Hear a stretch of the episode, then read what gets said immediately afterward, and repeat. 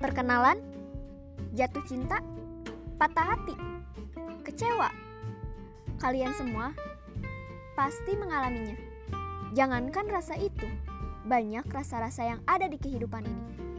Cari tahu solusi, jangan banyak berasumsi. Di sini akan bahas apa yang bisa menjadikan pelajaran hidup lo. So, dengerin terus ya.